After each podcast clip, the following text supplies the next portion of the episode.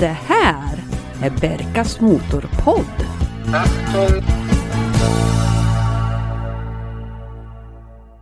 Hej och välkommen till ett nytt avsnitt av Berkas Motorpodd. Det här är podden för dig som gillar att köpa, äga, samla och ibland sälja bilar. Men framförallt du som gillar att använda dina bilar. Det är jag som är Berka. Jag vill börja det här avsnittet med att berätta att jag har fått en buckla på min Audi Quattro. Men det är en buckla som jag är otroligt stolt över. Jag fick ett samtal från redaktionen på biltidningen Klassiker att min bil hade utsetts till Årets klassiker 2023 av tidningens läsare. En sån otroligt stor ära. Och jag vill tacka alla som har röstat på min bil. Och det är också anledningen till att det inte blev något avsnitt förra veckan. Jag blev nämligen inbjuden att ta emot priset på redaktionen i Stockholm. Så nu över till podden Studioklassiker avsnitt nummer 100 med Carl Legelius, Fredrik Nyblad och Björn Meijer.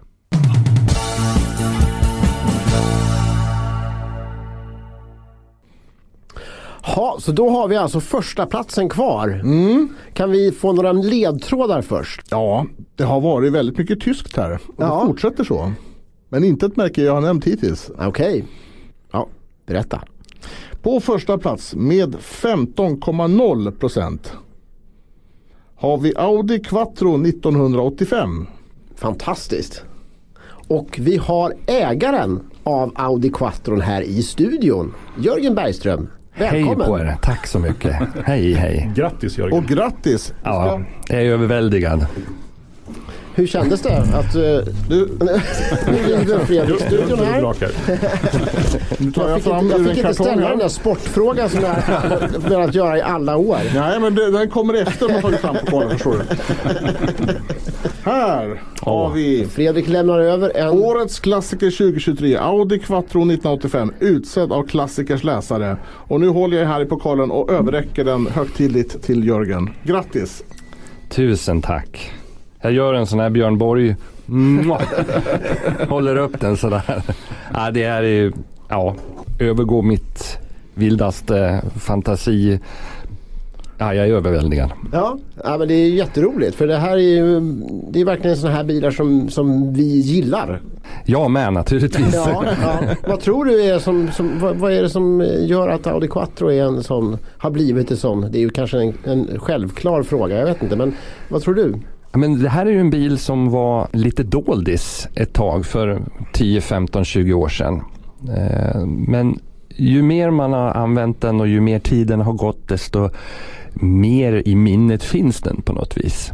Och eh, den ser ju ut som att den kommer ifrån framtiden fast den är ja, 40 år. Modellen är ju 40 år gammal. Ja. Eh, den ser ju, ja den är, det är en fantastisk design på den. Och bilderna som, som ni har tagit och haft med gör den ju verkligen rättvisa alltså.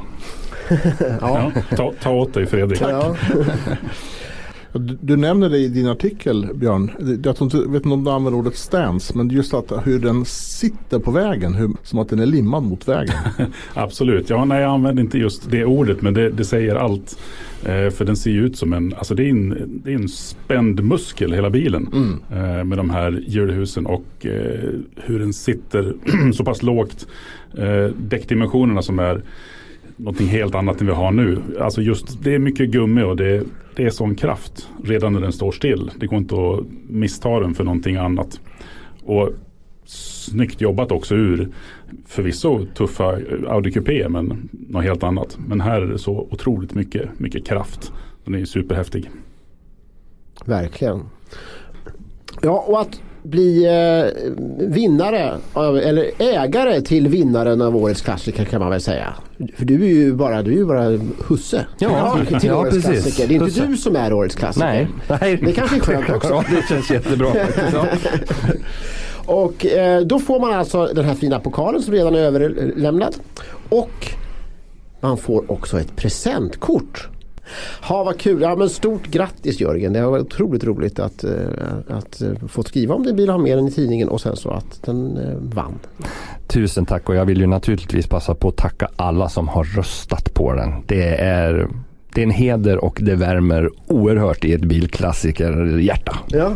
Och mer om årets klassiker och vinnaren där kommer du kunna läsa i klassiker nummer 3 2023 som är på väg ut till prenumeranterna nu och som kommer ut i butik nästa vecka.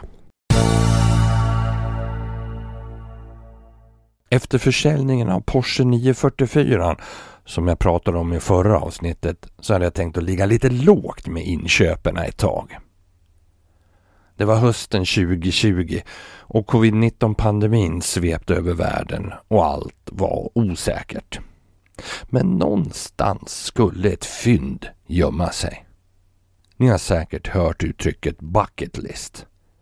Det är ett märkligt sätt att benämna en rad åtgärdspunkter i livet som ska göras, upplevas eller ägas innan man till slut sparkar omkull hinken för gott. Jag kan inte säga att jag har en speciell lista. Jag fyller i den allt eftersom livet knallar på. Det gäller att ha så kul som möjligt i nuet och inte jaga något som finns för långt fram i tiden. Dagens avsnittsbil blev en klar punkt på listan att pricka av i alla fall över bilar som jag ville ha, ha ägt och kanske ha kvar i samlingen. Vi pratar Volvo V70R AVD. Men eh, vänta nu, säger vän av ordning. Har inte du pratat om ären förut? Den som du ägde, sålde och sen köpte tillbaks? Jo, det stämmer. Men det här, det är den heliga graalen när det kommer till V70R-bilar. The Knights who say ni, ni, ni. Du kan glömma T-gul, T-röd och den nya gröna. Glöm T-blå ifrån 2000, den enda årsmodellen som faktiskt hade 265 hästar. Det är en dussinbil med sina 778 stycken tillverkade exemplar. Nu pratar vi om endast 22 tillverkade laserblåa 1999 Och jag har haft en av dem.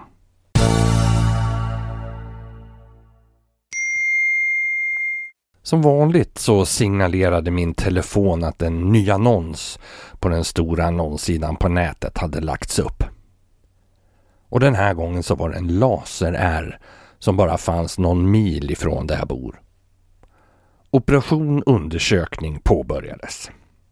Bilen hade haft få ägare och nuvarande hade ägt den i ungefär tio år.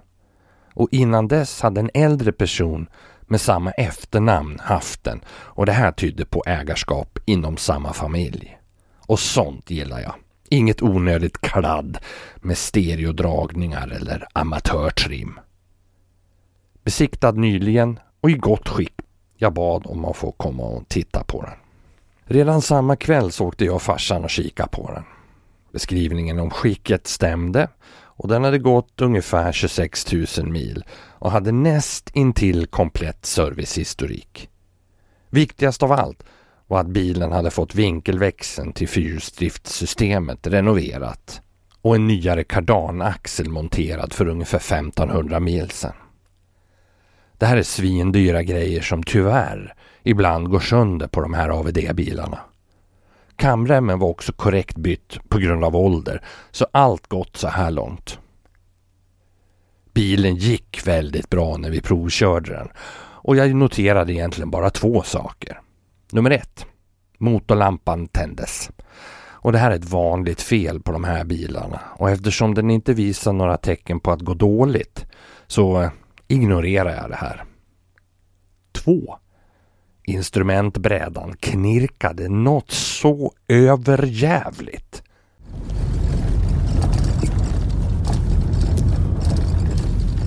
Vid varje dammkorn på vägen som passerades så gnekade det. Lyckligtvis kunde det här oljudet stoppas med att trycka brädan uppåt i en skarv så jag tänkte nog att det skulle kunna gå att lösa. Den som var ägare till bilen var en ung kvinna som hade fått bilen av sin pappa efter att han hade köpt en ny. Men det var mannen som skötte affären. Jag tackar för titeln Och vi kom överens om att höras eftersom jag inte riktigt visste om jag ville köpa den än. Det är alltid bra att sova på saken. Dagen efter så skrev jag ett sakligt sms i trevlig ton med de punkter som behövde fixas och jag frågade även vad bilen skulle kunna tänkas att säljas för. Efter några meddelanden fram och tillbaks så landade vi på 48 000 så vi gjorde affär. Och det var en bra sån. Jag och Janet åkte upp en fredagkväll och hämtade hem den och jag kunde passa på att skoja lite grann med min Volvo-polare Per ifrån Norrland genom att spela in en kortfilm när jag körde den. Tjena Per! Hur står det till uppe i Norrland? Jag sitter här i ett litet nyinförskaffat projekt. Vad är det för färg på huven? Efter ett tankstopp i Hedemora parkerades bilen hemma i garaget bredvid min Saffrans R. Och det var en snygg syn. Jag ställde upp båda R-bilarna och fotograferade det som blev omslagsbilden till den här podden och även på hemsidan www.berkasmotorpodd.se. Coronapandemin höll landet och världen i järngrepp och bilträffar var uteslutna. Tidningen Klassiker rådde ändå bot på det här och bjöd in till en träff för 90-talsbilar, Träffpunkt 90. Platsen förblev hemlig för att inte locka dit fler än 50 personer som då var det högsta antalet människor som var tillåtna i grupp. Sent på kvällen innan så mejlades platsen ut till oss alla som hade ansökt och få vara med och vi hamnade på en parkering intill Skogskyrkogården söder om Stockholm. Janne och jag drog iväg i den blåa Volvon och den låg som ett strykjärn på vägen. Stolarna i ärren har en komfort i toppklass och ljudet från turbofemman brölar gott. Det här är en GT-kombi med potential att klättra upp för alpvägar där en stor kall öl och en kalvsnitchel väntar. När vi anlände till träffen så fanns det ett antal pärlor från 90-talet redan samlade. Vad sägs om BMW 540? Porsche 911 såklart och Merca 300 CE. Även redaktionens tre bilar avslöjades inför artikelserien Klassikerkampen där en Volvo S80, Audi TT och en Volkswagen Golf Cab avtäcktes inför folkmassan på hela 50 personer. Min laserblå R blev med på bild i tidningens nummer om träffen. Bilen var som sagt helt original med mörk träinredning och originalstereon SC901 med inbyggd CD-växlare för tre skivor och Dolby surround-system i full funktion. Framstolarna var elreglerade och takluckan i glas gav en lyxig rymd i kupén. Men den fyrstegade automatlådan ifrån Aisin AV inbjöd tyvärr inte till någon inspirerande körstil direkt. Vyn över instrumenten var för Volvo något nytt. Där mätartavlorna var blåfärgade för att understryka R-konceptet. Och öppnar man motorhuven så möttes man av samma blåa färg på motorkåporna. Det var rätt så spektakulärt 1999 och sorgligt nog en svunnen tid då Volvo fortfarande var modiga och svenskägda. Med sina dubbla utblås gjordes även bakänden mer aggressiv och den blåa färgen gav de silvriga emblemen en sportig kontrast. Inget tvivel om att det var den vassaste modellen från Torslanda.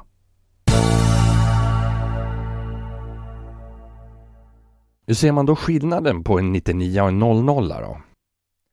Jo, 00 har en tvåfärgad inredning på stolarna. En ljus Alcantara-del i mitten och mörkare läder åt sidorna. Dragningen på kröken på avgasröret förbi vinkelväxeln är också annorlunda och ger 00 ett något bättre flöde.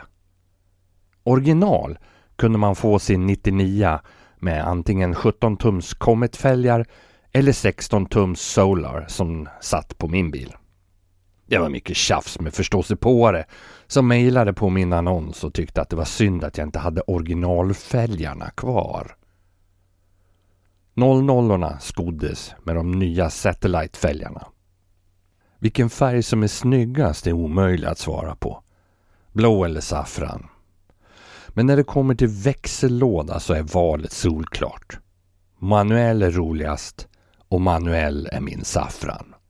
9900 laserblåa såldes bara som automat tyvärr. Automatlådan tappar också vridmoment från 350 ner till 300 Newtonmeter. Till sist så har saffran den svarta inredningen och den blåa hade den beiga. Saken var klar, men jag väntade i ett år med att bestämma mig för om jag skulle behålla eller sälja. Men i februari 2022 trailades den blåa iväg av en holländare som troligtvis exporterar den. Och det blev nog en win-win för oss båda prismässigt. Bilannonsglöd. Eller? Men älskling, vad ska du med den där till?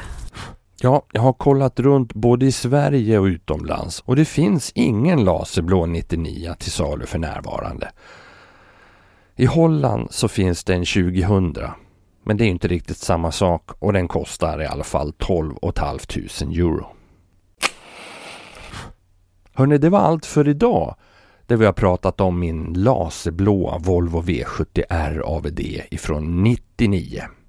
Glöm inte att höra av er om du har någon kul bil står. Berkasmotorpodd gmail.com Kika in på hemsidan eller på Facebook och Instagram.